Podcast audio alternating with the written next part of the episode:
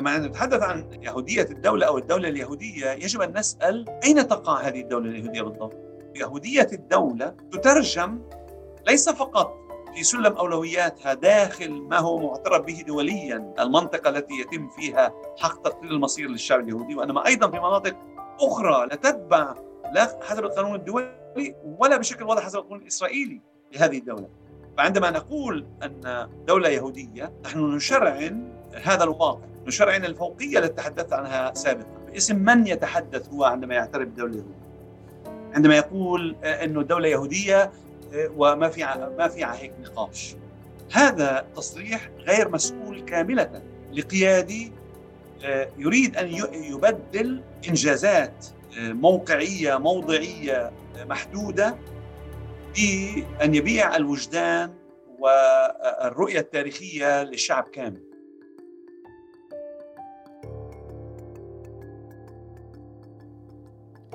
تحياتي للجميع بكمان حلقة من بودكاست الميدان. أنا عبد أبو شحادة عبر موقع عرب 48 بس زي دايما إذا حابين المشروع حابين تدعمونا ما تنسوش تتابعونا على جميع تطبيقات البودكاست. أبل كاست جوجل كاست سبوتيفاي إحنا موجودين هناك. اليوم معي بالبرنامج بروفيسور أمل جمال محاضر علوم سياسية في جامعة تل أبيب وباحث أكاديمي في المجتمع الفلسطيني في الداخل. موضوع الحلقة جاي بناء على تصريحات عضو البرلمان منصور عباس قبل أسبوع ب 21 12 بمؤتمر جلوبس. لما طلع بالتصريح اللي بيقول فيه إنه دول دولة إسرائيل هي دولة انولدت كدولة يهودية وحتستمر كدولة يهودية وإحنا دور العرب والفلسطينيين في الداخل هو نسأل تس... نسأل كيف إحنا بندمج في هاي المعادلة. ولكن في أسئلة جوهرية اللي حبيت البروفيسور أمل يوضح لنا إياها وراح نبدأ بسؤال بسيط جدا. شو معنى دولة يهودية؟ وكيف إحنا بنضطر لهيك سؤال؟ ولسؤال اللي شاغل بال كمان المجتمع الإسرائيلي لتأكيد وطالبة الفلسطينيين بين إذا كانوا في الداخل أو بالضفة أو بالشتات باعتراف إنه دولة إسرائيل هي دولة يهودية. فالسؤال الأول بروفيسور يعني إيش يعني إيش المجتمع الإسرائيلي؟ وكمان ممكن كمان كيف المجتمع الفلسطيني الشعب الفلسطيني نفهم مسألة يهودية الدولة. آه، أهلا أستاذ عبد. اولا شكرا على الاستضافة وثانيا يعني هذا سؤال شائك ومركب بدون شك إذا تطرقنا له آه، على المستوى التحليلي الأكاديمي. ممكن يعني أن نجاوب على هذا السؤال بعدة مستويات. إنه آه، يعني هوية الدولة يعني إن كان دولة إسرائيل وإن كان أي دولة في العالم هناك هوية معينة يعني تطرح من خلال المستندات الأساسية المؤسسة للدولة منها وثائق الاستقلال ومنها آه، دستور أو قوانين أساس. كما هو في ألمانيا أو في الولايات المتحدة أو في فرنسا أو في دول أخرى وبالتالي في دولة إسرائيل تدخل في هذا في هذا المضمار من تعريف ذاتها كدولة يهودية. لكن هناك تاريخ لهذا المصطلح يعني يجب أن يؤخذ بعين الاعتبار بأنه المرة الأولى يطرح فيها هذا الموضوع كان من قبل هرتزل في كتابه المؤسس يودنشتات الدولة اليهودية أو دولة اليهود. الحديث كان تاريخيا عن حق تقرير المصير آه، لليهود بدولة تضمن لهم طبعا أمنهم وثقافتهم وكيان اجتماعي آه، مستقل أو على الأقل مختلف عن مجموعات آه، سكانية أخرى. ترجم هذا المصطلح في مستندات المؤسسة للحركة الصهيونية ما بعد ذلك مؤتمرات الصهيونية من الأول وحتى اليوم يعني يطرح تطرح هوية الدولة بهذا الشكل. والمهم في ذلك هو ترجمة هذا الموضوع بمستندات من قبل مؤسسات دولية وعلى رأسها دولة الانتداب البريطانية التي كانت وحظت طبعا بدعم دولي واسع بعد الحرب العالمية الأولى ووعد بلفور ما يسمى وعد بإقامة يعني بيت قومي في فلسطين.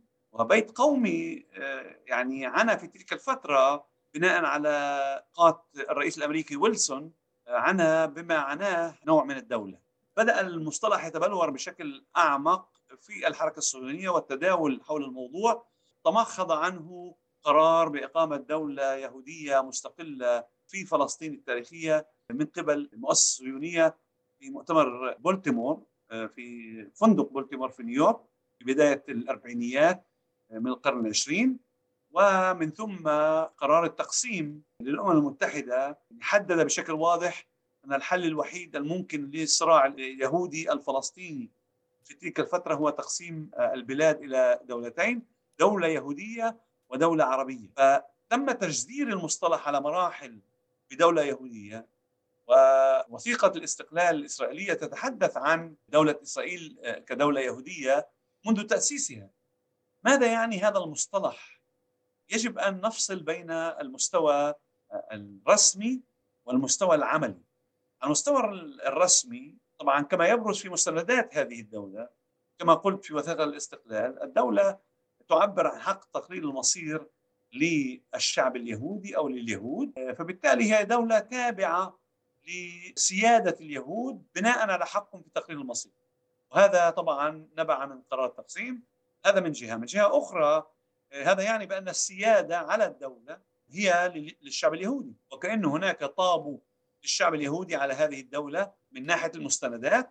وهذا يعني أيضا أن هوية الدولة على المستوى الفعلي إن كان على مستوى الصالح العام وإن كان على مستوى رموز الدولة وإن كان على مستوى قوانين الدولة وسلم أولويات الدولة هي أتت لتخدم أمن ومصالح وترعى هوية اليهود ولذلك يعني عندما نتحدث عن الدولة اليهودية هذا يعني بأن للدولة مستويات مختلفة تترجم فيها الهوية اليهودية كهوية قومية ذات طابع تاريخي ذات طابع حضاري ذات طابع ثقافي ذات طابع ديني وذات طابع سياسي. وإذا نظرنا إلى قانون القومية الذي سن كقانون أساس كجزء من جزء من الدستور الإسرائيلي في 2018 نرى بأنه بشكل واضح يتم الحديث عن دولة إسرائيل كدولة دولة قومية للشعب اليهودي تتبع لكل الشعب اليهودي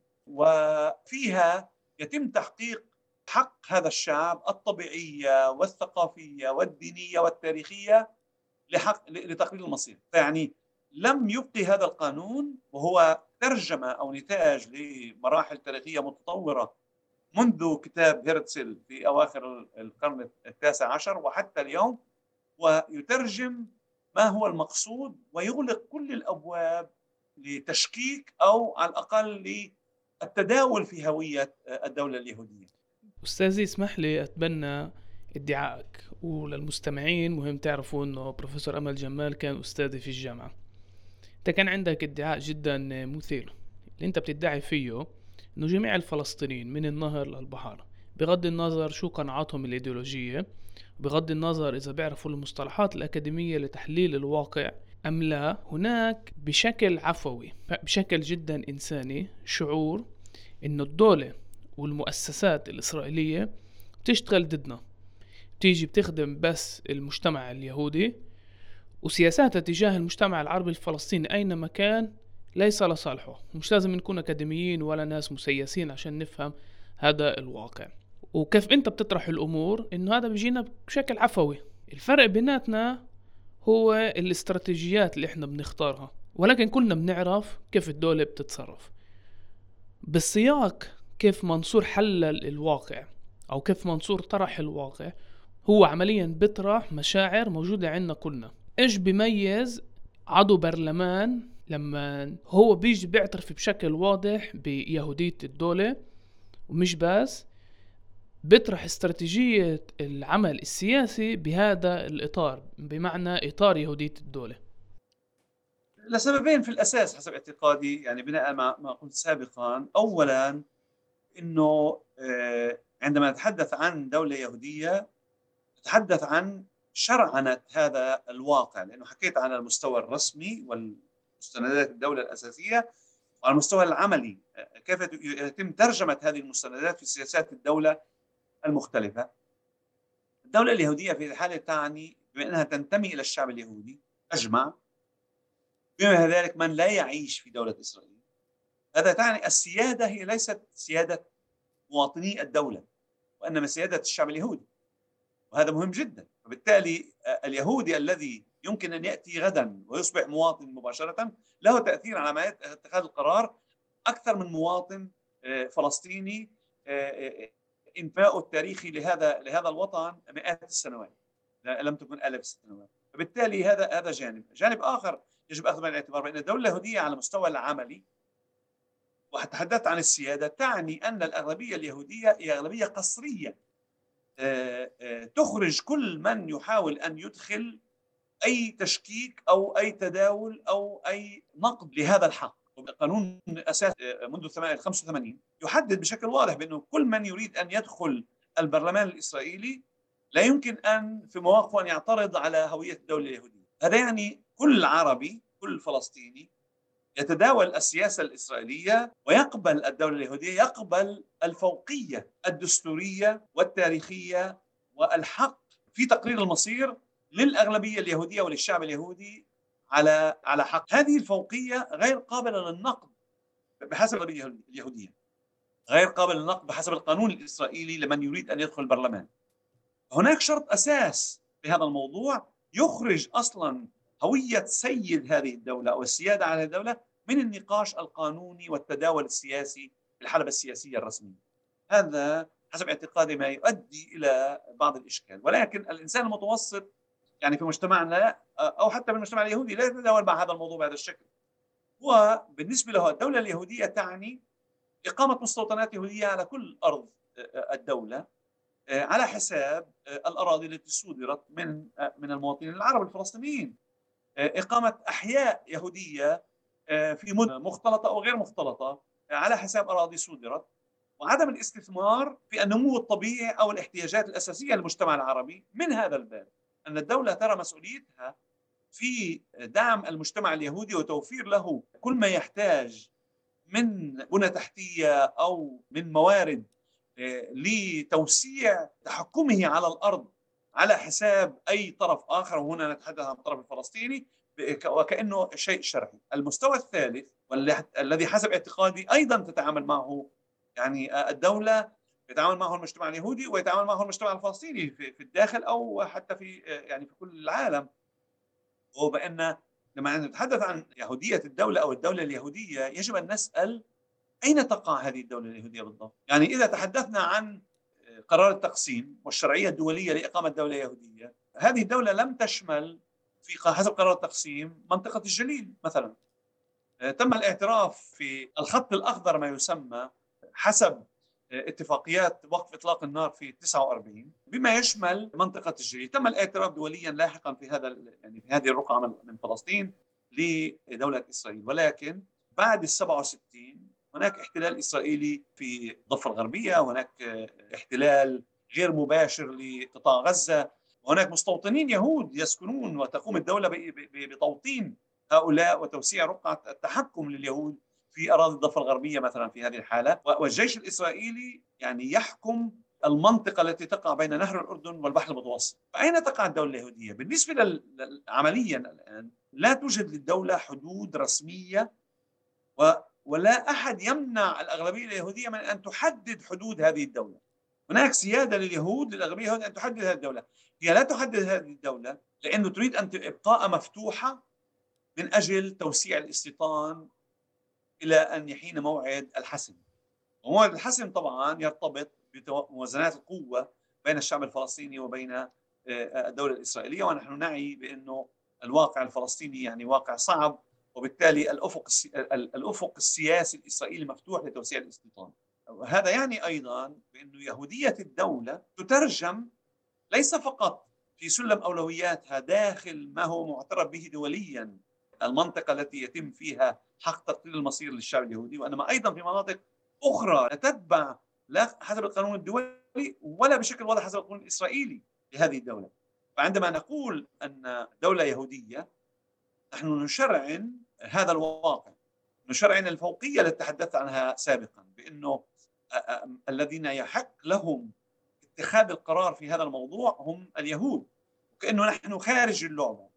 إذا كنا خارج اللعبة وخارج شرعية السيادة على هذه الدولة وقبول هويتها يعني قبول عدم وجودنا داخل عملية اتخاذ القرار في شأن هذه الهوية وترجمة هذه الهوية على أرض الواقع. هذا يعني بعبارة أخرى بأنه الاعتراف في هوية الدولة تقبل بأنه يعني تقبل كل عربي فلسطيني بأنه حق اليهود بأن يقيموا آه، أحياء ويقيموا مستوطنات ويقيموا آه، يصادروا اراضي من أجل بنى تحتية حتى وإن كانت على حساب العرب من أجل توطين اليهود من آه، تسريع الوصول من منطقة يهودية الف إلى منطقة يهودية باء حصر العرب في نوع من الجيتوءات متقطع عن بعض البعض من أجل خلق تواصل يهودي وما إلى ذلك.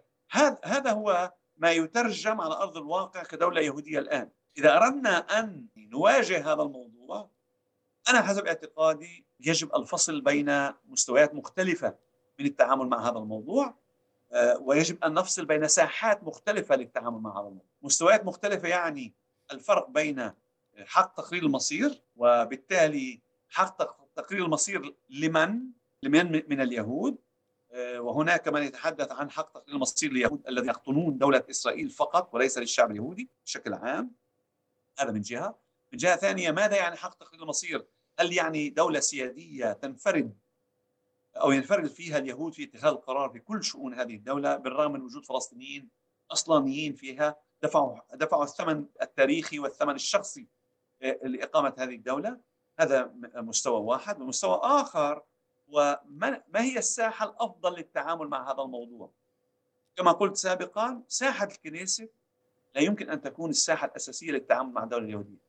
أنا باعتقادي ليس من حق منصور عباس أو أي قيادي آخر دخل الكنيسة أن يتعامل مع هوية الدولة لأنه هو ليس مسموح له أو لها التعامل مع هذه الهوية على مستوى القانوني. عندما يتعامل معها يتعامل معها بناء على ما ينص القانون وبالتالي يبقى خطابه مقصور على ما يتيحه القانون الإسرائيلي للتعامل مع هوية الدولة هذه من يجب أن يتعامل مع هوية الدولة اليهودية على المستوى يعني الوطني على المستوى آه، الجماهيري على المستوى الشعبي حسب اعتقادي من هم قياديين وقياديات خارج آه، الكنيسة. بالأساس لجنة المتابعة واللجان الشعبية والمجتمع المدني والأكاديميين والأكاديميات وما إلى ذلك. آه، لأنه عضو كنيسة أو نائب عربي عندما يتحدث عن مواجهة هوية الدولة اليهودية يحجب عنه الحق القانوني بالمشاركة في العملية السياسية. بالتالي لا يمكن الاعتماد على أعضاء الكنيسة بالتعامل مع هذا الموضوع لا من باب سحب الشرعية عن هذه الهوية أو توجيه الأنظار لإشكاليات هذه الهوية أو دعم هذه الهوية.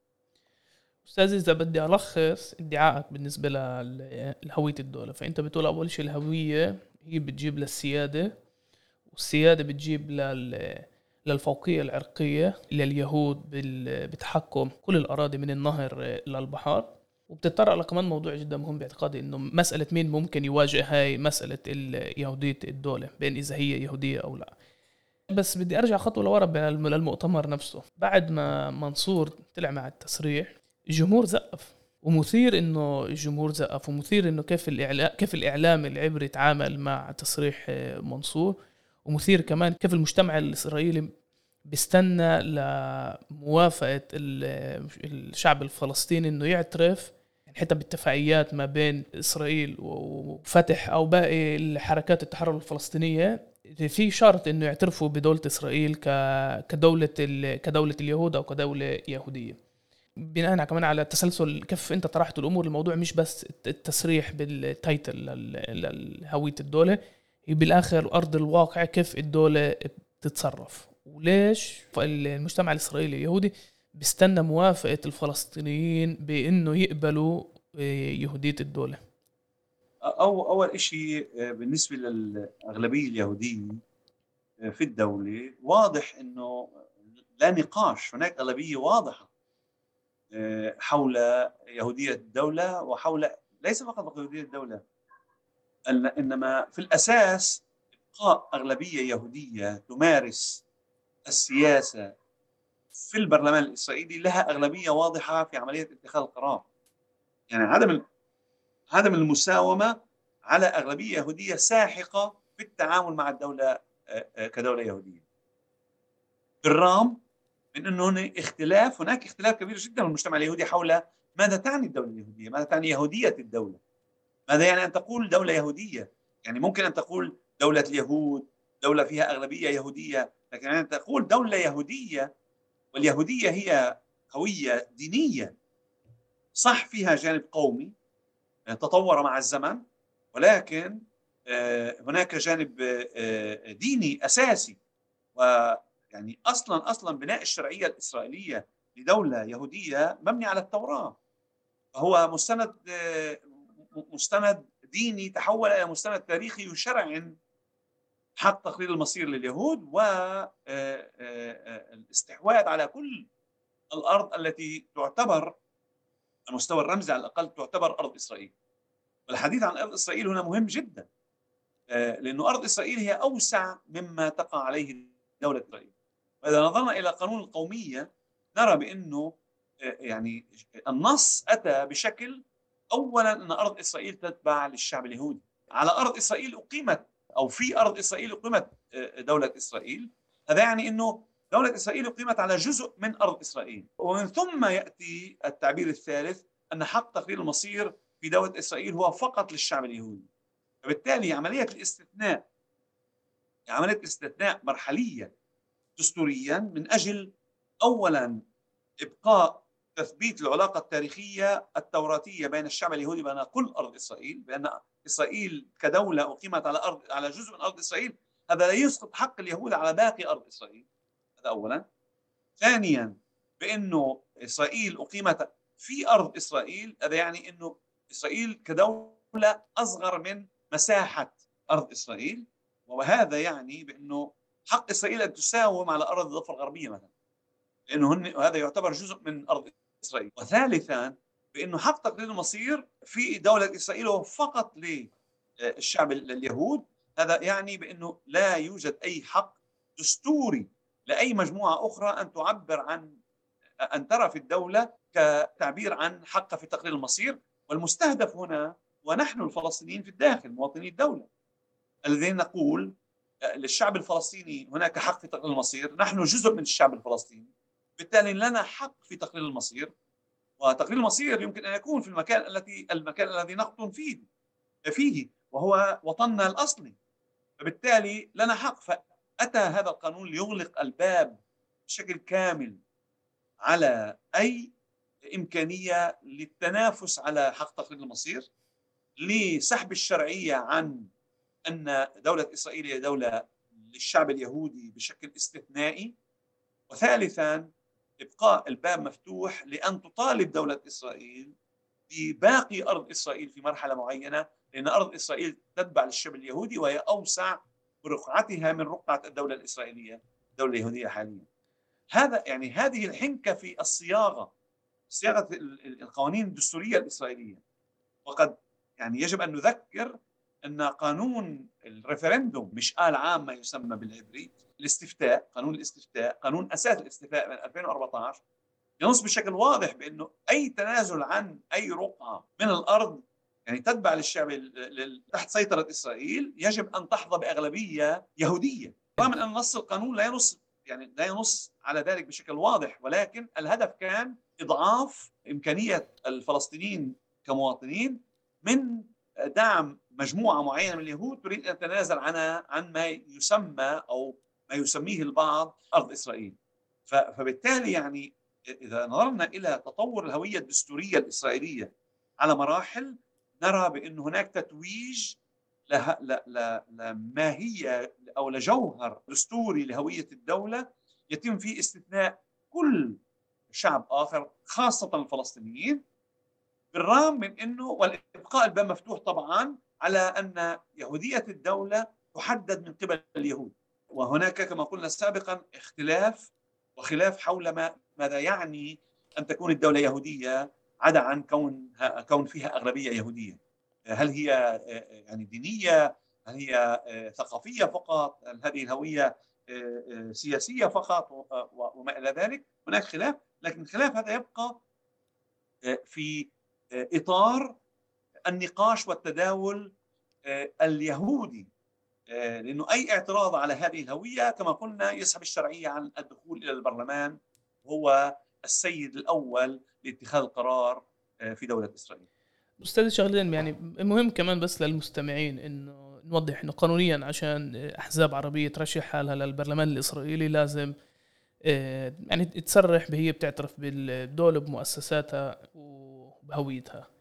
آه، ولكن اللي بيميز تصريح منصور عباس إنه كان في مؤتمر ما حدش ألزمه وهو يعني كان محاور محاور عربي محمد مجاد ما سأله ما, ما أحرجه يتطرق لهذا السؤال. ولكن هو يعني طلع بالتصريح نفسه. وبفهم منها كمان لما بيطلع قائد سياسي من حزب عربي عريق الحركة الإسلامية الجنوبية لها مؤسساتها وتاريخها للمجتمع الإسرائيلي للمؤسسات الإسرائيلية هناك آه، اعتراف من حزب عربي عريق مهم بأن الدولة دولة يهودية ولها والشعب اليهودي فقط هو من يقرر مصير الدولة وتصرف الدولة. والتنازل من هذا من النضال إنه لا يعني في في كمان في شعب عربي فلسطيني متواجد من النهر للبحر وهي له كمان الحق. ولكن كمان منصور بيكمل يعني المهم كمان ركز على الجانب الآخر من التصريح اللي بيقول فيه إنه أنا موجود بهاي المعركة وأنا بدي to maximize profit أوصل لإنجازات خلال المعضله الموجودة قبالي. يعني أنا بعط أنا بدي أعترف بيهودية الدولة بالواقع إنه الدولة تتصرف وال practice برأيي التصرف نفسه هو يعني جانب جدا مهم يعني بغض النظر بين إذا اعترفوا بيهوديه الدولة أو لا أو إذا المؤسسة صرحت بيهوديه الدولة ولا لأ هي هي هيك تتصرف. يعني هذا واقع ومنصور بيقول أنا بدي بالظروف اللي موجودة أطلع يعني أطلع ما أكثر إنجازات ميزانيات للمجتمع العربي. دعني يعني أقول اولا بإنه من خول أي من أعضاء الكنيسة بالدخول بها من هذا الباب أو الدخول في هذا الموضوع أو الحديث باسم باسم من يتحدث هو عندما يعترف بالدولة اليهوديه عندما يقول آه، إنه دولة يهودية آه، وما في ما في هيك نقاش. آه، يعني حتى وإن كان يصور واقع ملموس حتى هذا الادعاء غير ليس فقط غير ملزم, ملزم أن يقوله وإنما وكأنه يخول نفسه بادعاء ليس من شأنه. هذا اولا. ولا يتحدث باسم شعب ويتحدث يعني هو قائد سياسي. يعني لما عندما قال أنا وصفت واقع من أنت؟ يعني أنت أكاديمي أنت سويدي أنت أمريكي عم توصف واقع أم أنت قيادي؟ تمثل جمهور.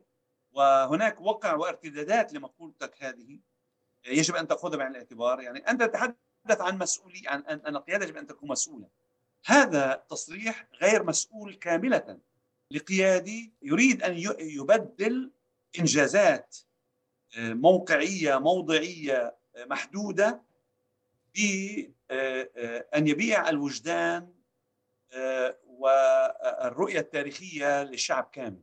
لأنه هو ليس حيادي يعني. لو كان سويدي يقول هذه دولة يهودية فليكن. لكن كونك فلسطيني ومن حركة إسلامية أنا أنا حسب اعتقادي براغماتية دكتور منصور عباس تأتي من باب موقفه الديني الوسطي الاشعري وهو يأتي في غير مكانه حسب اعتقادي. يعني إن أراد منصور عباس أن يتكلم بشكل معين إلى الجمهور اليهودي ليتجنب طبعا الصدام وبالتالي يحصل على شرعية يهودية للحصول على الموارد التي يحصل يجب أن نتساءل عن شيئين. أولا يريد أن يحصل على موارد باسم من وموارد لمجموعة سكانية تم استثنائها من هذه الموارد بناء على ماذا؟ بناء على كونها فلسطينية. فلا يمكن أن تطالب بموارد لمجموعة تم قهرها تم استثنائها تم الاستيلاء على أراضيها بسبب هويتها. وأن تقول أنت تريد أن تحصل على موارد لهذه المجموعة دون أن تدخل بأي شكل من الأشكال هويتها التي بناء عليها تم قهرها و... واستثنائها وما إلى ذلك.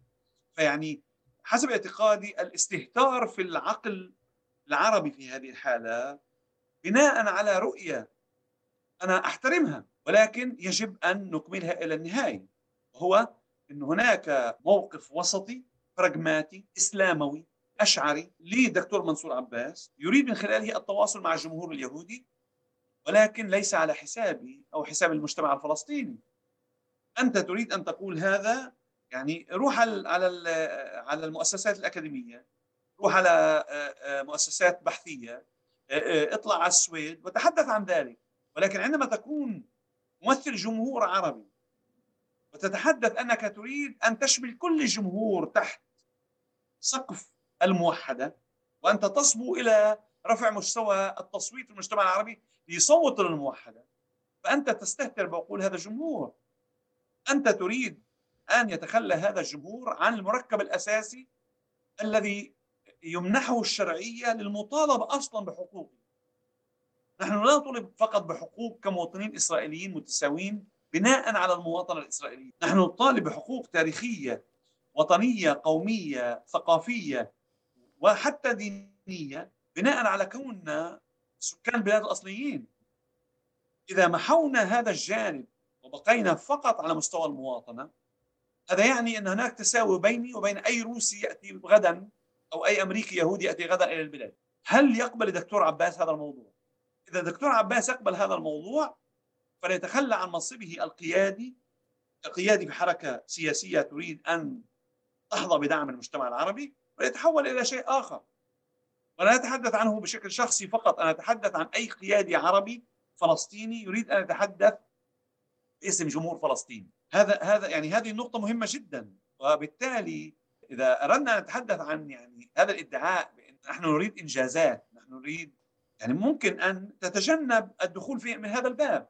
الأحزاب العربية الفلسطينية ذات الوعي الأيديولوجي الواضح موجودة في الكنيسة منذ 49 حتى اليوم. ولا ولم تضطر أن تصرح هذه التصريح أو تتحدث بهذا بهذه اللغة حتى وحتى أعضاء الأعضاء العرب في الأحزاب الصهيونية لم يقوموا بهذا الاعتراف، لم يقوموا بهذا التصريح، لم لم يواجهوا هذا الموضوع لأنه هذا موضوع مفتوح يتم النقاش عليه بين يعني شعبين في خلاف وفي صدام تاريخي حول الانتماء وحول حق تقنين المصير. آه، هذا جزء من وبالتالي يعني سألتني في الأول لماذا التصريحات يعني حتى حماس وحتى الجهاد الإسلامي وحتى السلطة الفلسطينية خرجوا بتصريحات لأنه هذا يعني بأنه هناك نزعة عند بعض القيادات الفلسطينية في الداخل لأول مرة لتدخل في هذا الباب وتتخلى عن هذا الموضوع يعني تتقبل هوية الدولة بشكل ما يسمى برو اكتف بشكل إيجابي. يعني كان عليه أن يتجنب هذا الموضوع يقول هذا موضوع إن كان هو أو غيره طبعا إنه هذا موضوع ليس من شأني أن أدخل فيه. آه، أنا وظيفتي أن أحصل على إنجازات أو أن يلتف على السؤال إذا سئل بهذا الاتجاه. يعني هل يريد آه، إن كان دكتور عباس أو غيره أن يتحولوا أن يتحول النائب العربي أو النائبة العربية إلى رئيس بلدية يطالب بإنجازات أخرى يعني هذه هناك وظيفة لرؤساء البلديات بالمطالبة والاحزاب العربيه أن تدعم رؤساء البلديات بالمطالبة بإنجازات تلك أخرى لمواطنين. هل وظيفة الأحزاب السياسية هي آه، الحصول على يعني مورد هذا أو آخر أم تغيير السياسات؟ يعني حسب اعتقادي هناك مغالطة، الهدف هو تغيير السياسات لأن المطالبة بإنجاز هذا واخر يبقي السقف الفوقي الموجود والتراتب الموجود بانه اليهود يقرروا ونحن يعني نترجاهم لنحصل على بعض الفتات. الصراع في البرلمان يجب ان يكون على تغيير السياسات بشكل كامل يعني من أجل أن لا نبقي نفسنا في مساومة دائمة في حلقة مغلقة مع الأغلبية اليهودية حول كم الموارد اللي نحصل عليها هذه المرة؟ يعني إذا استرضيناهم نحصل على أكثر لم نسترضيهم نحصل على أقل يعني إيش هي السياسة؟ هل هي السياسة اللي بدنا إياها؟ نحن نريد تأثير أوسع وأقوى آه، آه، من أجل تغيير سياسات أساسية وتغيير العقلية المجتمع اليهودي. يعني عندما يقبل الدكتور عباس أو غيره من يهودية الدولة هو يخضع ويرضخ للأغلبية يدغدغ يعني عقلية الأغلبية اليهودية وبالتالي يعني ما هو انجازه التاريخي؟ ما هو انجازه السياسي؟ حسب اعتقادي بالعكس إذا كنت في موقع معين يجب أن تكون حكيم بشكل كافي لتتعامل مع هذا الموضوع بما يتيحه القانون لإقناع الجانب اليهودي أو الأغلبية اليهودية تغير رأيها في هذا الموضوع.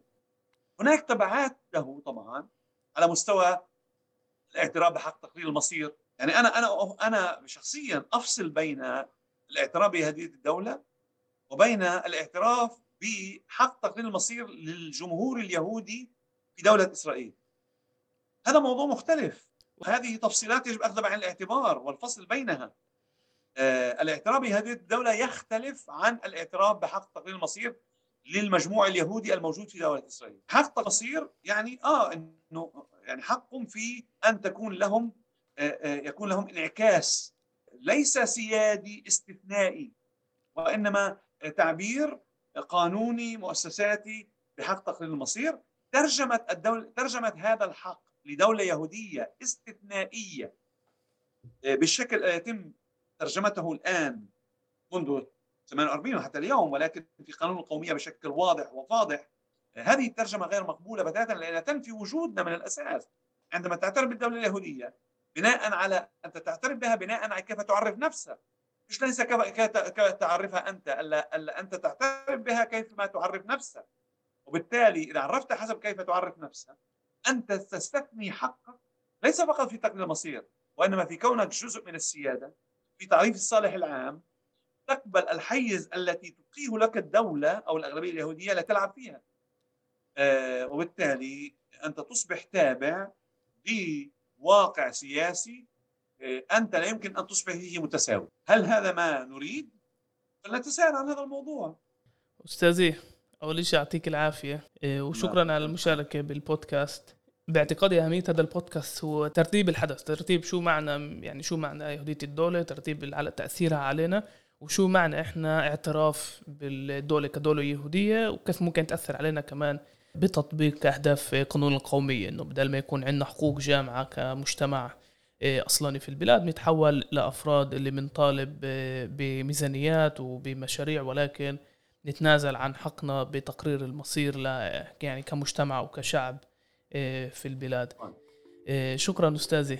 شكرا لك يعطيك العافية. وهيك بننهي كمان حلقة الحلقة رقم 20 من بودكاست الميدان إلى عام 2021 رح تشوفوني بس السنة الجاي أو رح تسمعوني بس السنة الجاي بعام 2022 وطبعا كل عام وأنتم بألف خير لكل المعيدين بمناسبة عيد الميلاد المجيد. وزي دايما رح أنهي الحلقة بطلب بسيط جدا. طبعا هذا إذا بتحبوا المشروع وحابين تدعمونا ما تنسوش تتابعونا على جميع تطبيقات البودكاست.